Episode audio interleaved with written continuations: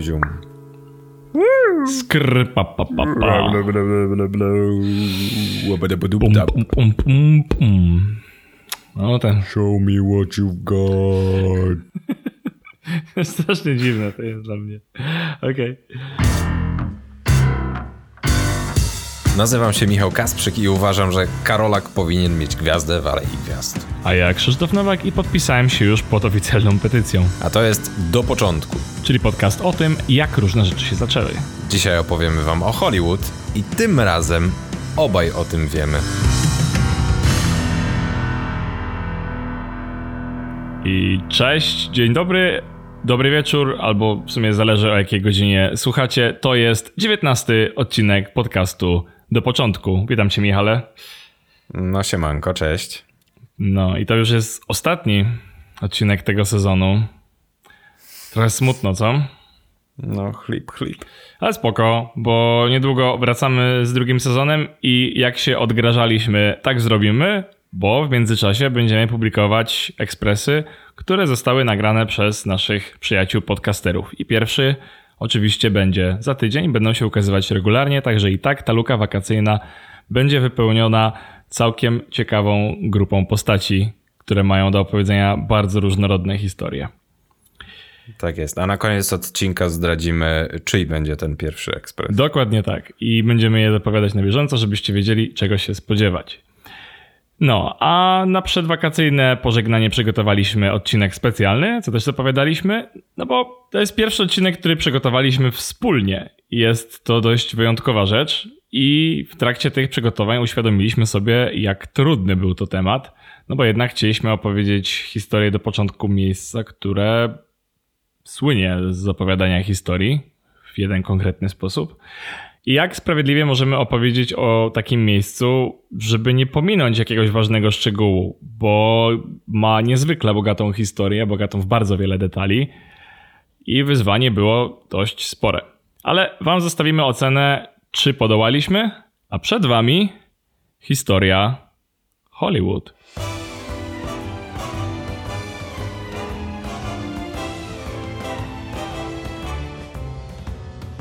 Trzeba zaznaczyć, że to historia tego konkretnego miejsca jako największego zagłębia przemysłu filmowego na świecie, a nie całej branży filmowej czy też wiem, kamery. Te tematy pewnie też kiedyś poruszymy, ale no nie teraz, bo mm, za dużo materiału by było. E, Natomiast są to tematy, które są bardzo ciekawe, więc y, wierzę, że jeszcze się pojawią. Historia Hollywood pełna jest ciekawych postaci, niesamowitych wydarzeń oraz e, plotek i bójt. I oczywiście te ostatnie oddzielamy. Ale przejdźmy do rzeczy. Jakie Hollywood jest teraz, każdy widzi. Filmy, które zarabiają miliardy dolarów, e, franczyzy, które są maszynkami do robienia hajsu.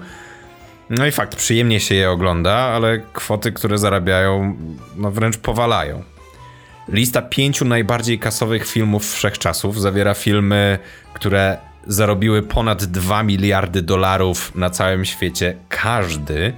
I na tej liście są trzy filmy, które są częściami franczyz, dwie części Avengersów i jedna część Gwiezdnych Wojen. Do tego mamy jeszcze Awatara, który ma w przygotowaniu kolejne części, y, a ile konkretnie tego nie wie nikt, bo nawet sam reżyser James Cameron co chwilę zmienia ich liczbę. I o takim Hollywood nie chcemy wam dzisiaj opowiadać, bo wszyscy dobrze je znacie. Zamiast tego skupimy się na dawniejszych wydarzeniach, filmach i osobach, które wpłynęły na to, jak działa Hollywood. Będzie o tym, skąd wzięła się nazwa, o powstaniu dzielnicy, która kiedyś była niezależnym miastem, o wszystkim znanym napisie i o człowieku, bez którego Hollywood by po prostu nie było. Dowiecie się nawet, jak nasz ukochany Thomas Edison przyczynił się do rozwoju branży filmowej i, i konkretnie Hollywood. E, oczywiście jeszcze jego tutaj brakowało.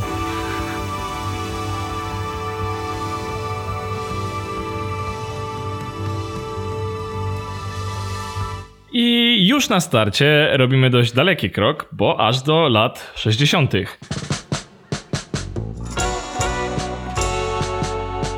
Telewizja staje się coraz popularniejsza i jest to jeden z powodów, dla których produkcje kinowe zaczynają cierpieć. Ludzie no, już tak chętnie nie chodzą do kina, a co za tym idzie, studia filmowe tracą masę pieniędzy. No i wiadomo było, że trzeba coś z tym zrobić i to szybko. I dopiero w 1967 roku coś drgnęło i pojawił się film, który odstawał dość mocno od wszystkich wcześniejszych produkcji. Zawierał bardzo drastyczne sceny morderstw, czego filmowcy wcześniej nie eksponowali, ale był też inny z innych względów. Krytyk filmowy Bosley Crawford z The New York Times napisał, że to błazenada i tania komedia, która traktuje rabunki pary obleśnych i gamoniowatych bohaterów jako coś zabawnego i figlarnego. Natomiast kiedy przed premierą filmu obejrzał go szef wytwórni Warner Brothers, był, delikatnie mówiąc, niezadowolony. W związku z tym zdecydowano o bardzo ograniczonej i cichej premierze i krytyków było jeszcze więcej. Co zabawne, ciężko sobie wyobrazić dzisiaj, jak bardzo wszyscy byli w błędzie, bo koszt produkcji filmu zwrócił się 28-krotnie, a 3 miesiące po premierze trafił na okładkę magazynu Time. I ostatecznie został okrzyknięty filmem, który zdefiniował pewnego rodzaju nową erę w produkcji filmowej, czyli nowe Hollywood. A ten film to Bonnie i Clyde. Nie wiem, czy ty widziałeś Bonnie i Clyde? Nie. Właśnie chyba obejrzę po tym. Mam kilka filmów, które muszę obejrzeć po tym. no, powiem ci, że ja oglądałem nie aż tak dawno temu, bo gdzieś tak ze 2-3 lata temu w końcu się zorientowałem, że nie widziałem właśnie tam oryginału, a to jednak w Hollywood stało się dość archetypiczną historią i muszę przyznać, że faktycznie ten film jest bardzo współczesny w tym, jak jest zrobiony. Okay. Zwłaszcza w porównaniu do właśnie tych filmów e, z poprzednich lat, pokroju, nie wiem, obywatela Keina, którego moim kontrowersyjnym zdaniem nie da się oglądać. Właśnie też muszę obywatela Keina obejrzeć, ale raz próbowałem zacząć i mnie nie porwał. Dam mu jeszcze jedną szansę. A wiesz, to mi się wydaje, że to, że wiesz, to, że pre pretensjonalny pan e, z The New Yorker powie, że to jest najważniejszy film wszechczasów, to nie znaczy, że musi ci się on podobać. No oczywiście. no, tak czy inaczej, wracając do Hollywood samego w sobie, to po premierze Bonnie i Clyde to nie szefowie studiów produkcyjnych decydowali o tym, jak film powinien wyglądać. Teraz to reżyserzy mieli znacznie większą moc i właśnie dzięki nowemu Hollywood produkcja filmowa zaczęła zmierzać w kierunku tego, co mamy obecnie. Oczywiście po drodze twórcy przesadzali też w drugą stronę, ale o tym opowiemy może już w odcinku poświęconym historyki.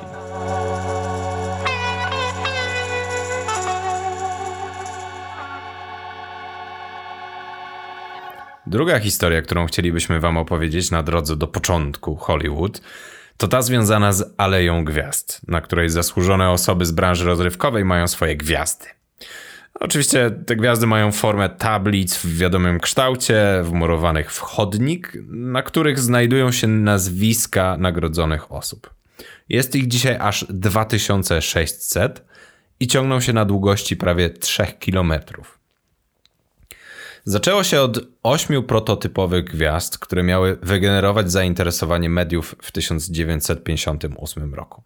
Natomiast pierwsze stałe gwiazdy pojawiły się na Hollywood Boulevard dwa lata później.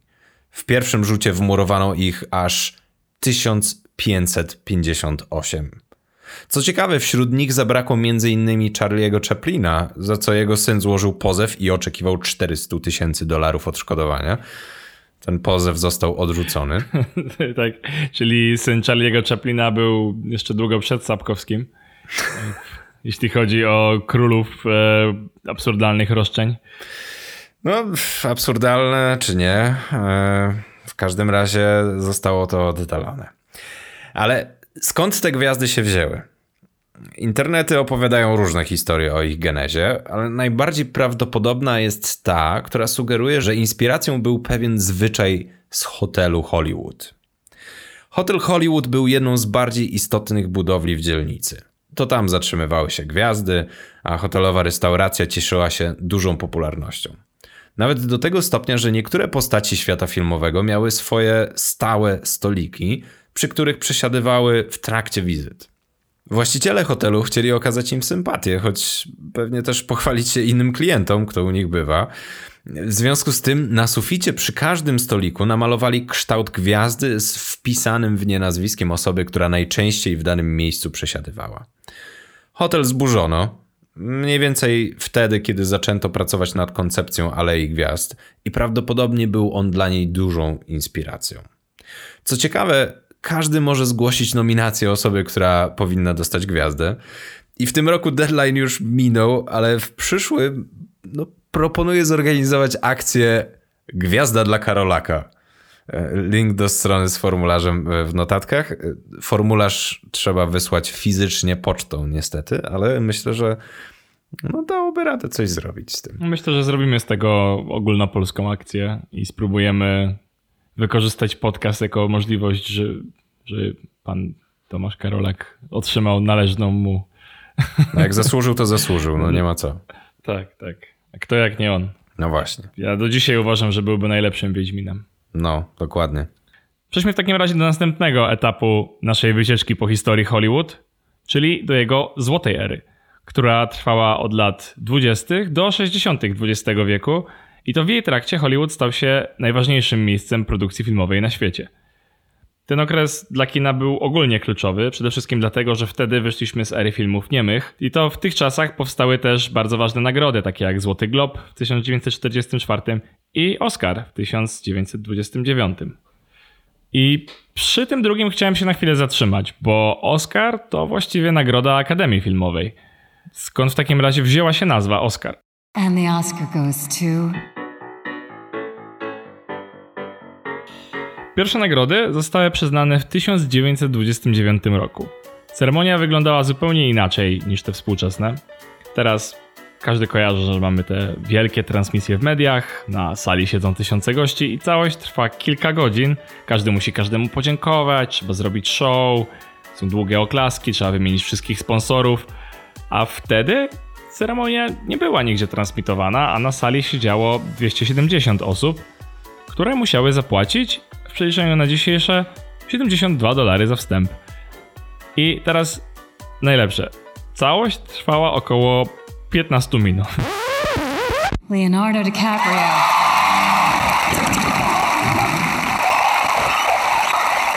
Thank you. Thank you all so very much. Thank you to the Academy. Thank you to all of you in this room. I have to congratulate the other incredible nominees this year um, for their unbelievable performances. Uh, the was a product of the tireless efforts of unbelievable cast and crew I got to work alongside. First off, my brother and Tom Hardy. Tom, your fierce talent on screen can be surpassed by your friendship off screen, all hundred As the history of cinema unfolds, you have forged your way into history these past two years. What an unbelievable talent Thank you to you Chivo. This amazing award tonight. Let us not take this planet for granted. I do not take tonight for granted. Thank you so very much. Więc skąd nazwa Oscar? Jedna z popularniejszych teorii mówi, że pracująca w Akademii Filmowej Margaret Herrick użyła tej nazwy jako pierwsza. Kiedy zobaczyła statuetkę w 1931 roku, stwierdziła, że wygląda ona jak jej wujek. Wujek Oscar. Usłyszał to dziennikarz Sidney Skolski i napisał o tym w New York Daily. Inna teoria natomiast mówi, że w 1934 roku Skolski miał dość arogancji i snobizmu, które szły w parze z tą nagrodą i dlatego chciał znaleźć dla niej uwłaczające przezwisko. Przypomniał sobie wtedy popularnych w tamtych czasach żart kabaretowy, w którym pada kwestia czy chcesz cygaro, Oskarze? Oskar w tym żarcie jest postacią, z której później śmieje się publiczność. Więc było to idealne przezwisko dla nagrody, której status Skolski chciał obniżyć. Natomiast czy było to pierwsze użycie tej nazwy? Są ku temu wątpliwości. W tym samym roku, w którym Skolski zaczął pisać artykuły używając nazwy Oscar, statuetkę zdobył sam Walt Disney. I w swoim przemówieniu pieszczotliwie nazwał ją Oscarem właśnie. Ale już wtedy podobno używano tego imienia do wyśmiewania nagrody. Jak to było więc naprawdę? Nie wiem. Ale Skolski z pewnością przyczynił się do popularyzacji przezwiska, które oficjalnie przyjęto w 1939 roku. Aczkolwiek przy wręczeniu nagród dalej używa się określenia Academy Awards. A Oscar jest bardziej potoczną nazwą, którą oczywiście wszyscy znają i używają jej tak czy inaczej na co dzień.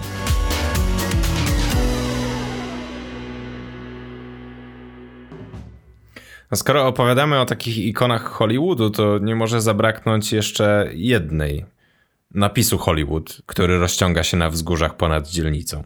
Choć teraz pewnie nikt nie wyobraża sobie panoramy tej części miasta bez napisu, to początkowo miał on istnieć przez rok lub dwa lata. I owszem, oryginalny napis uległ zniszczeniu, ale był odrestaurowywany i jego obecna wersja jest zrobiona z metalu. Zasponsorowali ją w 1978 roku m.in. wytwórnia Warner Bros. i Hugh Hefner. W latach 40. napis skrócono, bo co ciekawe, wcześniej brzmiał on Hollywoodland. I kiedy powstał, w przeliczeniu na dzisiejsze kosztował ćwierć miliona dolarów. A wzniesiono go w 1923 roku i jego celem była reklama inwestycji deweloperskiej. Ale, ale, wszystkie te otoczki są bardzo fajne, no ale w Hollywood jednak przede wszystkim to się kręci filmy.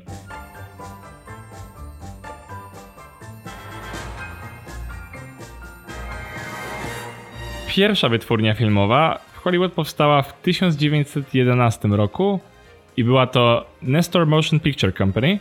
To właśnie na jej kanwie i kilku innych wytwórni rok później stworzono studio, które możecie kojarzyć z takich hitów jak Pacific Rim, Sekretne życie zwierzaków domowych, 50 twarzy Greya czy Kung Fu Panda. Universal Pictures. Najstarsze wciąż funkcjonujące studio filmowe w Stanach. Okej, okay, to wiemy już jaka wytwórnia, ale w takim razie jaki był pierwszy film? Pierwszy film, który został stworzony przez hollywoodzką wytwórnię, powstał w 1911 roku i nie wiadomo jaki miał tytuł, ale wiadomo, że reżyserem był David Horsley, założyciel wytwórni Nestor. Wiemy też, że film kręcono częściowo przy domu ojca Hollywood, do którego zaraz wrócimy. Ale najpierw. Najpierwszy film, który powstał w Hollywood, którego wytwórnia była z innego miasta, nazywa się In Old California. Jest melodramatem, który opowiada o Kalifornii z czasów, kiedy na tych ziemiach żyli Meksykanie. Został nakręcony w roku 1910.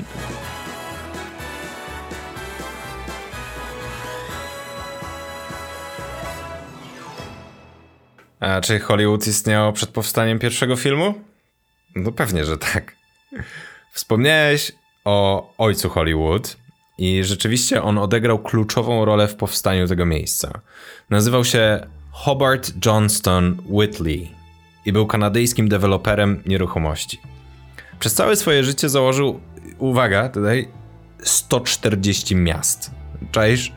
Założył 140 miast, jeden gość. Ja właśnie nie jestem w stanie sobie tego wyobrazić, w jaki sposób jest to możliwe w przeciągu jednego życia. No właśnie. No, ale w każdym razie on przyczynił się mocno do tego, że Hollywood się rozwinęło. I wbudował w nim m.in. bank i hotel, parę innych rzeczy. I to początkowo było niewielkie, niezależne osiedle, które dopiero w 1903 roku uzyskało prawa miejskie, a w 1910 roku zostało wchłonięte przez Los Angeles. I chciałbym móc powiedzieć, że Whitley założył Hollywood, bo podobno w 1886 roku, będąc w podróży poślubnej z żoną, wymyślił nazwę dla nowego miasteczka. Patrząc ze wzgórza na teren, na którym teraz znajduje się Hollywood, spotkali jakiegoś imigranta z Chin. Zapytali go, co robi, na co ten odpowiedział Hauling Wood. Pewnie z innym akcentem. Noszę drewno. Hauling pisane howling, czyli noszenie. I to zainspirowało Whitleya, który stwierdził, że nazwie nową osadę Hollywood. Holly miało symbolizować jego angielskie korzenie, a wood szkockie. I myślę, że to akurat mało popularne słowo, ale Holly znaczy ostrokrzew.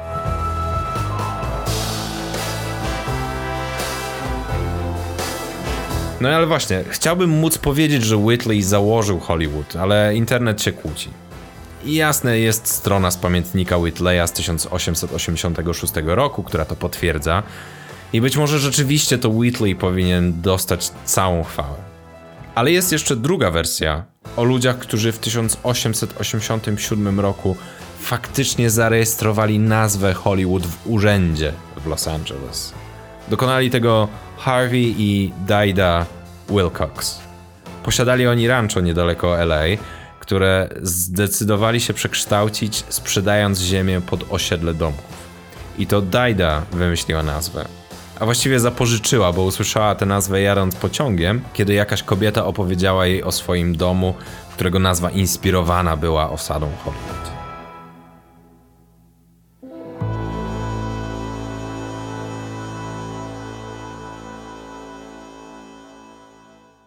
Która wersja jest prawdziwa? Ciężko powiedzieć.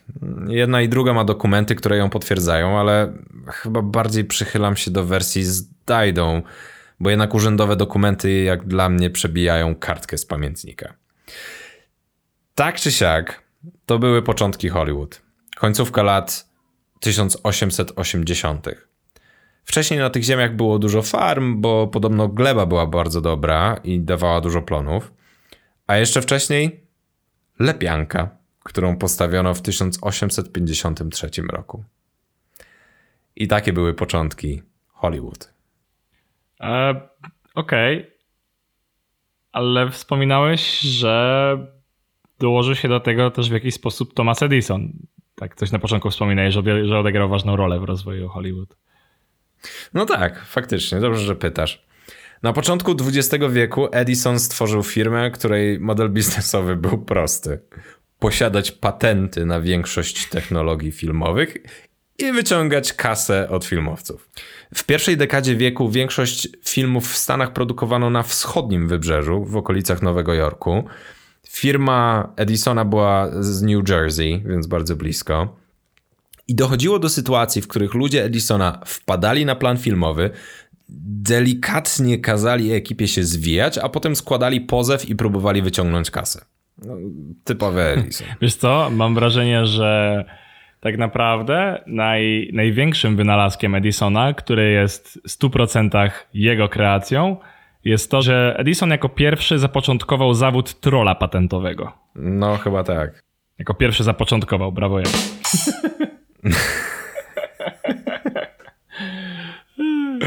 W każdym razie przez tego typu zagrywki coraz więcej filmowców uciekało kręcić do Kalifornii, bo po pierwsze było daleko od, Ed od Edisona, po drugie, nawet jeśli jego ludzie dowiadywali się o jakiejś produkcji, to ekipa filmowa często miała czas, żeby przenieść się do Meksyku.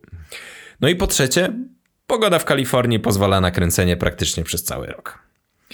I trzeba zaznaczyć, że nie bez znaczenia były też działania H.J. Whitleya, bo gość wpakował mnóstwo pieniędzy w to, żeby Hollywood wyglądało wyjątkowo reprezentatywnie. No ale na szczęście biznes Edisona działał tylko przez 7 lat. No i Edison w swoim buractwie przyczynił się do powstania Hollywood, więc za coś jednak można mu podziękować. No w sumie ciekawe, czy, czy gdyby Edison się nie wtrącał, to w tej chwili stolica właśnie to w tej chwili stolicą produkcji filmowej w Stanach byłby Nowy Jork? Ciężko powiedzieć, ale trochę mało tam miejsca. No, ale może by. Może by było. Pewnie inaczej by się wszystko rozwinęło. Mm, to prawda. Infrastruktura cała i tak dalej. A może New Jersey? Uuu. No, New Jersey jest chyba jednak stolicą najbardziej lubianych reality shows póki co. Chyba tak.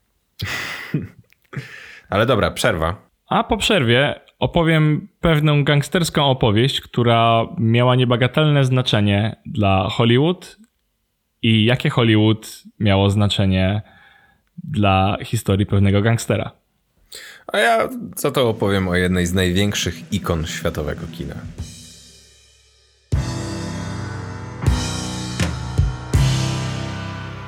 Podcasty podróżnicze są trochę trudne do nagrania. No tak, no bo jednak podróże angażują praktycznie wszystkie zmysły.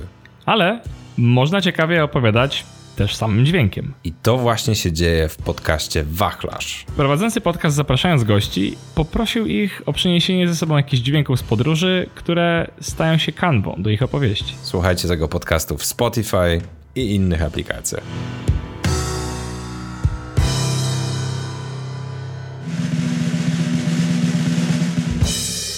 I witamy po przerwie. Siemanko. Co tam po przerwie? Jaką masz historię o tym gangsterskim świadku hollywoodzkim? No właśnie, bo jest to historia mężczyzny, który trafił do Hollywood w dość niespodziewany sposób. I jak się okazuje, to czym się zajmował, że tak powiem, zawodowo, łącząc dwa dość specyficzne etaty, całkiem korzystnie wpłynęło na obydwie jego działalności.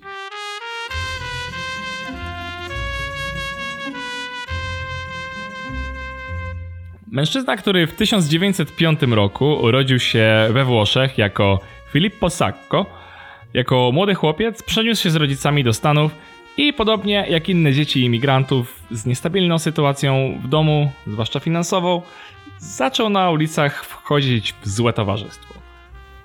Jako młody mężczyzna w 1922 roku przeprowadził się do Chicago, gdzie zmienił oficjalnie nazwisko na Johnny Roselli. Niektóre źródła podają, że był zamieszany w morderstwo, inne, że był aresztowany za posiadanie narkotyków i że to były podejrzenia, które stały za jego decyzją, aby przenieść się z Massachusetts do Illinois i zmienić oficjalnie nazwisko. Ale już przed przeprowadzką jego życiorys był dość interesujący. Zajmował się na przykład transportem alkoholu podczas prohibicji, hazardem, czy też wymuszeniami pieniędzy za ochronę, a dalej było tylko ciekawiej. Ze względu na przywiązanie do dbania o swój wygląd i eleganckich ubrań, szybko zyskał przydomek Handsome Johnny. Ale co ważniejsze, zainteresował się nim też najbardziej znany gangster tamtych czasów, czyli sam Al Capone. Mhm. I tak się złożyło, że Capone potrzebował kogoś zaufanego, kto będzie reprezentował jego interesy w Los Angeles. Jakby biorąc pod uwagę to, że ich historia relacji gangsterów między sobą można by, mo, mogła zostać zbierana tylko w oparciu o zeznania. Nie mamy zbyt wielu informacji, jak to do końca wyglądało, ale pewne było, że rolą Johnego w przeprowadzce do Los Angeles było właśnie współpracowanie z przestępczością zorganizowaną, a częścią zakresu obowiązków było dbanie o relacje właśnie z branżą filmową. No, proszę. Bo gangsterzy w tamtych czasach wychodzili z założenia, że warto inwestować we wszystkie rzeczy, które zarabiają dużo pieniędzy i z których korzystają też sławni i bogaci. Tak więc Johnemu udało się poznać z wszystkimi. Grywał w golfa z ważnymi producentami, chadzał na randki z aktorkami. Mało tego, podobno krąży pogłoska, że był bardzo blisko nawet z Marilyn Monroe. Mówią, że spotykali się ze sobą. Więc co ciekawe, niektóre źródła podają nawet, że sam pomógł jej dostać jej pierwszą rolę w Dziewczętach z chóru, które wyprodukowało później Columbia Pictures. I pracując z rodziną Capone, Johnny miał plany na wyciągnięcie wszystkich wpływów z biznesu filmowego. Dość ambitnie. W tym celu gangsterzy zaczęli swoje przejęcie od zyskania kontroli nad związkiem zawodowym, bo w ten sposób mogli wyciągać ogromne kwoty od studiów pod stołem, a jeśli ktoś się nie zgadzał na to wymuszenie, no to mieli narzędzie, które pozwoliłoby im zamknąć całą produkcję filmową, jeśli nie będą płacić. No bo jednak. Prawie jak Edison. Aha. tak. Nie muszę dodawać, że gangsterzy zarobili miliony, czyli na dzisiejsze miliardy. A cała akcja została jednak w końcu zatrzymana i większość zaangażowanych przestępców ostatecznie trafiła do więzienia. W tym Roselli, który wyszedł z więzienia, bo mimo że został skazany na 10 lat, to wypuścili go na zwolnieniu warunkowym po 3,5 roku. Dlatego postanowił wrócić i poszukać legalnej pracy w Hollywood. Zgadnij, jaką rolę pełnił w studio, bo podpowiem, że dostał pracę nie jako przeciętny pomywacz, czy jak to zazwyczaj bywa z ludźmi, którzy wychodzą z więzienia, pracę fizyczną, tylko całkiem sensowną posadkę w studiu filmowym. Hmm, może był producentem?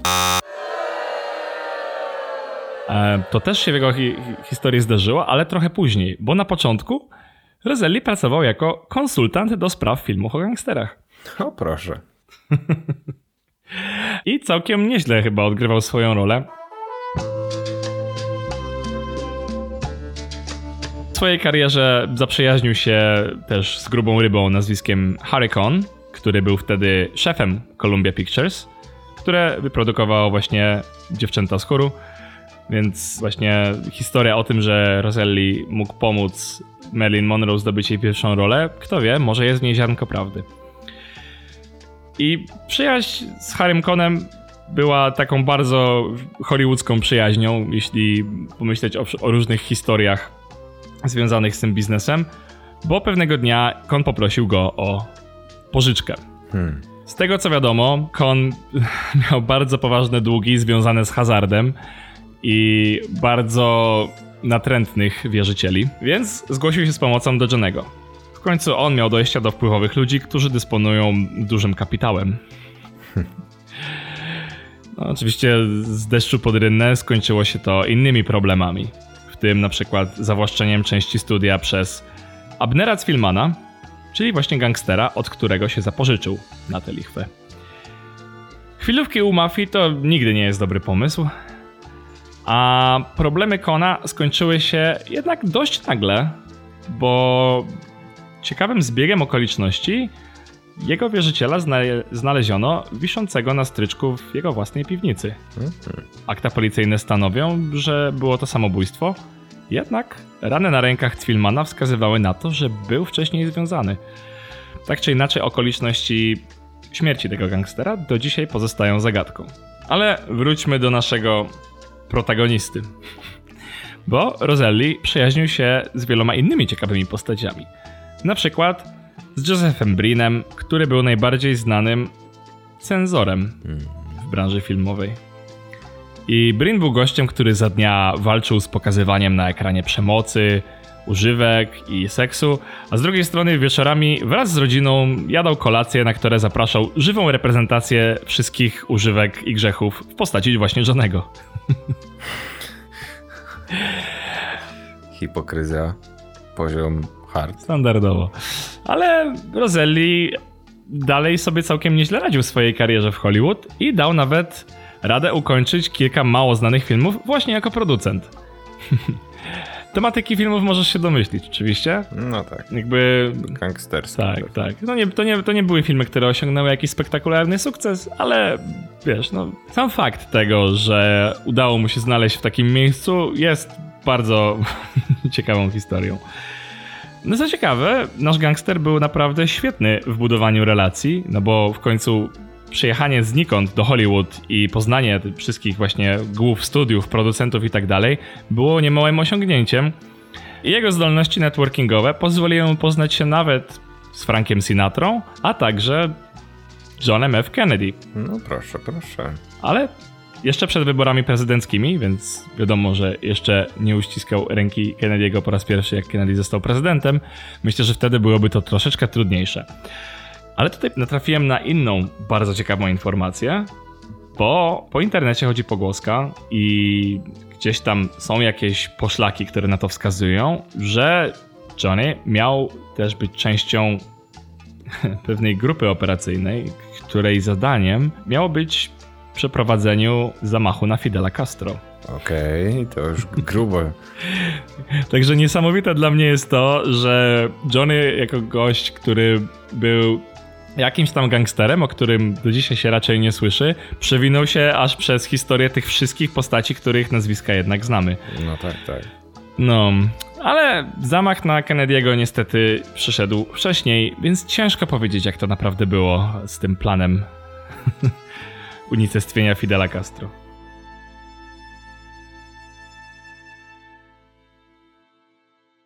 Sam Roselli skończył swoje życie jak podręcznikowy gangster z filmu. W bardzo podobny sposób, jakie przeżył. Bo w 1976 roku jego ciało znaleziono w beczce na wybrzeżu Florydy. Kurde. I historia Roselliego nie tylko zaczyna się, ale i kończy jak liczne opowieści o gangsterach z filmów, z tą różnicą, że był on prawdziwy i do kilku z tych filmów nawet przyłożył rękę, więc może stąd bierze się ta zbieżność. Być może. Tak, i to jest historia o gangsterze z Hollywood, którą ja się chciałem dzisiaj podzielić, bo, że, bo właśnie zaintrygowało mnie to, że nigdy wcześniej o nim nie słyszałem, a okazuje się, że przewinął się przez bardzo ważne miejsca w historii. Ale zastanawiam mnie w takim razie, co ty dzisiaj chciałeś nam opowiedzieć, bo zakładam, że ty opowiesz nam o kimś, kto jest jednak znaną postacią. Tak, no moja historia dotyczy Trumpa. O oh boy. Ale spokojnie, nie Donalda, tylko Trumpa, włóczęgi. A konkretnie aktora, który niejednokrotnie wcielił się w tę postać. No, postać na pewno znasz. No, to była bardzo popularna w erze niemych filmów. Blada przypudrowana twarz i wąs pod nosem, e, ubrana we fraki, charakterystyczny melonik. Mhm. Kojarzysz? Nie. Oczywiście chodzi o postać graną przez Sir Charlesa Spencera Chaplina. Charlie'ego Chaplina. A, okej. Okay. okay, okay. Widziałeś jakiś film z nim? Tak, ale chyba, chyba Dyktatora ostatniego z Chaplinem widziałem. Wcześniej to nie pamiętam, co jeszcze, z, czy, czy coś z nim widziałem wcześniej, czy nie. Hmm. Czy, raczej, wiesz, bardziej urywki. Ale tak całego filmu z Chaplinem jakoś nigdy się nie zabierałem, żeby oglądać. Mhm. No ja widziałem dwa e, filmy z nim. E, jeden z nich to Dzisiejsze czasy, Modern Times. To film niemy nakręcony 20 lat po tym, jak kino nieme w zasadzie odeszło w niepamięć. I mi ten film się bardzo podobał. Mhm. Ale bardziej kluczowy dla mojej historii jest ten drugi film, który widziałem. I zanim o nim opowiem, muszę zrobić małe wprowadzenie. Hitler. No, fajne wprowadzenie. nie no, nie, nie wiem jak szybko przejść do Hitlera, więc uznaj to za taki dziwny teaser. Okej. Okay. Ale wspominałem w historii do początku Hollywood, że Chaplin nie dostał swojej gwiazdy w Alei Gwiazd w pierwszym rzucie i jego syn złożył pozew o odszkodowanie z tego tytułu. I trochę się oburzyłeś. I w sumie tak, no bo takie zachowanie może się wydawać aroganckie, dopóki nie poznasz tej historii. W latach 30. XX wieku w światowej polityce coraz większy wpływ miały ruchy nacjonalistyczne. No, z, z Niemcami na czele. Hitler objął władzę w państwie i powoli wszystko zmierzało do czegoś złego, co oczywiście później okazało się być II wojną światową. W każdym razie Chaplinowi się to nie podobało. I z racji swojego wpływu, był w końcu ówczesnym influencerem, A. zaczął przemycać swoje poglądy polityczne do swoich filmów. A oczywiście reprezentował poglądy bardziej lewicowe i wierzył w wolność każdej jednostki. Trzeba też zauważyć, że Chaplin był do Hitlera całkiem podobny. Czacze włosy i ten charakterystyczny wąs. A na dodatek panowie urodzili się z zaledwie czterodniową różnicą. Chaplin złożył to do kupy i zaczął pisać scenariusz kolejnego filmu. Zajęło mu to dwa lata. Na plan zdjęciowy wszedł sześć dni po tym, jak Wielka Brytania wypowiedziała Niemcom wojnę. Produkcja zajęła później kolejny rok i w październiku 1940 roku ukazało się najnowsze dzieło Chaplina. Film został przez New York Times nazwany najbardziej oczekiwanym filmem roku i był jednym z najbardziej kasowych filmów tego okresu. Film tym razem nie był niemy. Słowo mówione było w nim wręcz bardzo potrzebne. A ten film to. Dyktator. The Great Dictator. I skoro Chaplin podszedł do niego politycznie, to nie mogło być inaczej. Film był parodią nazistów z Hitlerem na czele. Głównym bohaterem był żydowski barber grany przez Chaplina i barber przypominał dość mocno postać Trumpa z paroma różnicami. Najważniejszą było to, że był Żydem. I jednym powodem tej zmiany była oczywiście nienawiść Hitlera do Żydów, a drugim to, że naziści wierzyli, że sam Chaplin był Żydem, co prawdą akurat nie jest. Sam w jednym wywiadzie na pytanie dziennikarza odpowiedział: Nie jestem takim szczęściarzem. Naziści nawet zablokowali jeden z jego filmów w Niemczech. Wspomniany Barber był też łudząco podobny do tytułowego dyktatora, który nazywał się Adenoid Hynkel. świetne, świetne nazwisko w ogóle, nie? Chaplin postawił przed sobą olbrzymie wyzwanie, bo tworzenie komedii o Hitlerze było bardzo kontrowersyjne, no ale dzięki swojej niezależności finansowej, którą budował przez lata, mógł sobie na to pozwolić. Powiedział nawet kiedyś: Byłem zdeterminowany, żeby to zrobić, bo z Hitlera trzeba się śmiać. Ale na tym nie skończyła się polityka w filmie. Najważniejsze jest to, co pojawiło się na końcu i no, z góry przepraszam za spoilery, ale to jest kluczowe dla całej historii. W filmie w pewien sposób Barber zajmuje miejsce dyktatora, bo łudząco go przypomina.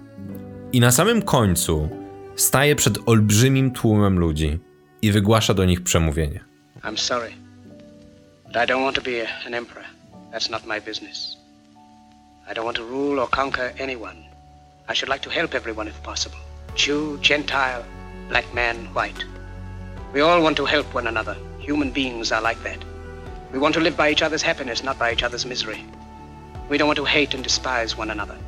niby robi to jako postać, ale w rzeczywistości przełamuje czwartą ścianę i wygłasza orędzie do widzów. Przekazuje niesamowitą wiadomość, w której zaznacza, że świat jest dla każdego, że wszyscy jesteśmy równi. Zaznacza, że dzieje się dużo złego, ale że to tylko okres przejściowy. Apeluje nawet do żołnierzy, żeby nie podążali za brutalnymi dyktatorami.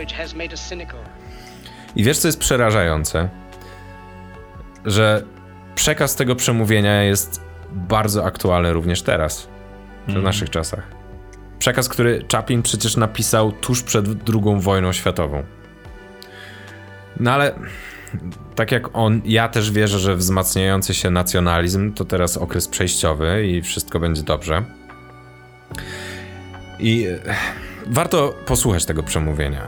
Ja je linkuję w notatkach i to w takiej epickiej wersji z muzyką Hansa Zimmera. To w ogóle absolutna rewelacja jest. Okay. Jak time gra w tle. Świetne. W każdym razie, wielu ludzi skrytykowało Chaplina za to przemówienie. I w latach 50., kiedy decydowano o wyborze artystów, którzy otrzymają swoją gwiazdę w Alei Gwiazd, początkowo uwzględniono też Chaplina. Ale jeszcze przed wybudowaniem alei odrzucono go. I oficjalnym powodem było to, że domniemanie złamał tak zwany akt Manna, który zakazywał transportu kobiet i dzieci pomiędzy Stanami i państwami w celach zrobienia z nich niewolników, również seksualnych. Co? No, okazuje się, że Chaplin miał romans z jedną z aktorek, które opłacał, a której zapłacił też za bilet na pociąg powrotny do innego stanu. Został natomiast oczyszczony z zarzutów, więc no, nie mógł to być realny powód odmówienia mu gwiazdy. Nie, nie to było raczej. Bardziej prawdopodobne, że chodziło jednak o jego lewicowe poglądy. Okej. Okay. Chaplin ostatecznie dostał gwiazdę w Alei Gwiazd w 1972 roku. W tym samym roku dostał też honorowego Oscara. Prowadzący, który go zapowiadał, cytował jego przemówienie z dyktatora. We think too much and feel too little. More than machinery, we need humanity. A po odbiorze nagrody dostał 12-minutowe owacje na stojąco. Najdłuższe owacje w historii gali. Sam Chaplin podziękował za honor i rozkleił się. Nie wiem, co ty uważasz, ale ja myślę, że no Chaplin był wielkim człowiekiem. Nie tylko aktorem, ale był wielkim człowiekiem. I ja z dużą chęcią obejrzę więcej jego filmów po przygotowaniu tego materiału. Mhm. no super, że wykorzystał swoje możliwości do tego, żeby faktycznie zrobić coś, co ma znaczenie, zrobić coś wartościowego, no bo jednak łatwo, łatwo jest po prostu rozpierniczać pieniądze, które się zarobi będąc gwiazdą Hollywood. No cóż, no jakby ja też, ja też nigdy nie patrzyłem na Chaplina z tej perspektywy, bo też miałem taką myśl w trakcie tej rozmowy, że w trakcie tego nagrania, że w zasadzie wiesz, no nie, ciężko jest patrzeć na każdego, kto na to zasługuje, jak na wielkiego człowieka, nawet jeśli jak najbardziej jest mu to należne, po prostu każdy tych, z tych swoich bohaterów sobie wybiera, ale jak najbardziej nie niczego Chaplinowi nie ujmuje, bo faktycznie zrobił coś bardzo, bardzo dużego. Mhm. Ja w ogóle, jak oglądałem Dyktatora już parę lat temu, to w ogóle nie patrzyłem na to w ten sposób. W sensie mi się to przemówienie też z racji mojego zawodu bardzo podoba mhm. i ten przekaz do mnie trafia, ale zawsze myślałem, że to jest część filmu po prostu. A teraz robiąc ten research, dowiedziałem się, że on tak właściwie przełamał czwartą ścianę i on mówił do widzów, mówił mhm. też no, do mnie jako do widza. No. Więc y, jest to dla mnie tym bardziej niesamowite i wielki szacun do niego za to, że to zrobił mimo olbrzymiej krytyki. To prawda, to prawda. Jeszcze tak, taka jedna rzecz, która mi się przypomniała właśnie, jak o tym wspominałeś, zwłaszcza, że że wiąże się też bezpośrednio właśnie z Hitlerem. Nie wiem, czy kojarzysz taki film, który się ukazał parę lat temu pod tytułem Zgadnij, kto wrócił. E, kojarzę, ale nie oglądałem go. Jest, e, powiem ci, że bardzo pozytywnie mnie zaskoczył, bo na początku myślałem, że nie będzie do mnie trafiał, zwłaszcza, że zawsze miałem trochę dystansu i wątpliwości, jeśli chodzi o niemieckie poczucie humoru, ale podoba mi się to, że ten film kończy, bo jakby film opowiada o tym, że w dzisiejszych, współczesnych czasach, w sensie to nie wiem, który, w którym roku powstał ten film, w 2014, 15, więc jak najbardziej jak najbardziej aktualne. I tak, Hitler na, nagle zmartwychwstaje i po prostu chodzi sobie po Berlinie i się zastanawia, co się stało, głosząc swoje poglądy i staje się znowu super e, lubianą postacią i niektórzy dochodzą do wniosku, że w sumie całkiem identyfikują się z jego poglądami, mimo że jest, że jest traktowany jak taki telewizyjny celebryta, który gra Hitlera, ale dużo ludzi stwierdza, że on faktycznie w sumie mądrze gada. I właśnie podoba mi się to, że pod koniec, też jest, pod koniec filmu też jest puenta, że to nie jest tak, że on sobie jakoś zawłaszczył tę władzę, tylko że został demokratycznie wybrany, bo przez to, przez to że ludzie po prostu się z nim zgadzali. więc, też, okay. więc też puenta tego filmu akurat bardzo mi się podobała, że jakby ludzie lubią sobie myśleć, że jeśli de demonizujesz nazistów, to wystarczy, nie? A tak naprawdę to trzeba zwracać uwagę na trochę więcej problemów, które wiążą się z powstawaniem tak radykalnych ruchów. No tak, bo to nigdy nie jest tylko. No to zawsze jest proces. Coś, nie? co jeden człowiek e, robi. Tak, i tak, to zawsze jest e, proces. Tylko, tylko to jest część właśnie czy procesu, czy wręcz tego, co społeczeństwo e, sobą reprezentuje i czego chce. No dokładnie. Także mam nadzieję, że twórcy w Hollywood będą dalej, chociaż może nie tak, może już, może, może, nie, może nie wszyscy, bo wiadomo, że to nie jest miejsce i zajęcie dla każdego, ale mam nadzieję, że oprócz tych wszystkich wielkich blockbusterów pokroju Avengers Endgame, które biją wszystkie rekordy box office, to będzie się ukazywało też więcej filmów, które nakłaniają też ludzi trochę do myślenia i żeby faktycznie robili takie rzeczy jak Chaplin kiedy, wtedy, kiedy jest to potrzebne.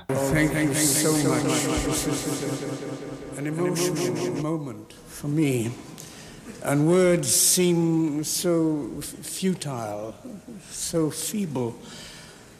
I can only say that thank you for the honor of, of inviting me here. And oh, you're wonderful, sweet people. Thank you.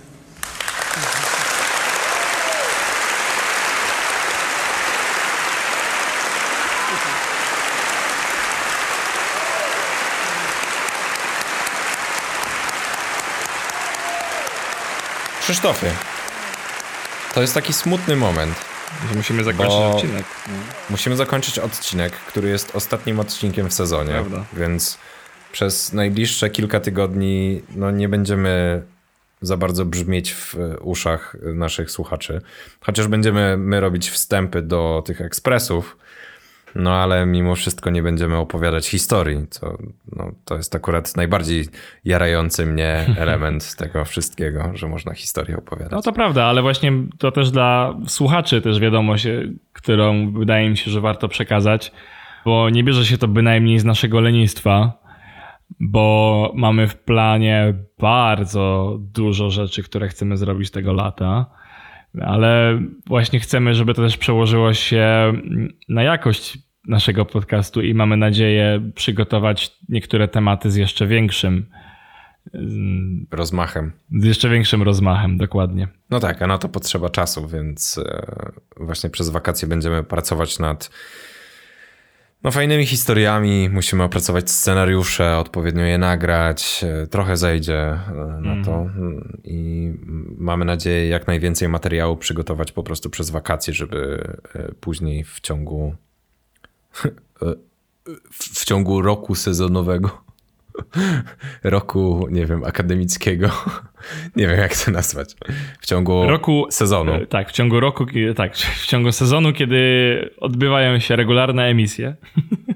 Tak, e, żeby wtedy to po prostu bezproblemowo się ukazywało, żebyśmy mogli na każdą historię mogli poświęcić tyle czasu, ile trzeba. Mhm. Dobrze. Ja Ci bardzo dziękuję w takim razie, Michale, za dzisiejszy odcinek. Dziękuję bardzo też. Wydaje mi się, że to był całkiem udany eksperyment. jak, całkiem nieźle Jak poszło. wiele innych. Hmm. Dlatego nie pozostaje nam nic innego, jak pożegnać się z Wami, drodzy słuchacze, i zaprosić Was do posłuchania odcinka, który ukaże się już za tydzień i będzie to ekspresem do początku nagrane przez naszego kolegę Dawida Straszaka, prowadzącego na co dzień podcast charyzmatyczny. Ja się już nie mogę doczekać. Ja również. Jestem bardzo ciekaw tej historii. Bo to Chris montuje ten odcinek akurat, więc. Ja montuję ten odcinek, ale postan- wydaje mi się, że wystarczy, że zapowiem gościa, bo jak najbardziej na to zasługuje, ale chyba zostawimy niespodzianką temat, Chyba tak. o czym będzie opowiadał. Tak, tak, zdecydowanie. No Okej, No dobrze. to, No to- na razie. Do usłyszenia za jakiś czas. Pa! Dziękujemy, że tego odcinka podcastu do początku słuchaliście do końca. Ten odcinek został zedytowany przeze mnie, Michała Kasprzyka i wyprodukowany przeze mnie i Krzysztofa Nowaka. Muzyka w intro i reklamie została stworzona przez projekt Sheila. Jeśli odcinek Ci się podobał, zasubskrybuj nas w Spotify, Apple Podcasts lub innej aplikacji do podcastów i ich pełną listę znajdziesz na naszej stronie dopoczatku.pl. Będziemy też wdzięczni za oceny w iTunesie. Dziękujemy Wam za wspólnie spędzony czas w trakcie emisji pierwszego sezonu. Do usłyszenia już niedługo w sezonie drugim. Spoko, dobra, to ja spadam, idę otworzyć okna. Dobra, to elo, a ja sobie dogram jeszcze ten, ten końcówkę. Trzymaj się. No, Elko, na razie. Spoko, na razie.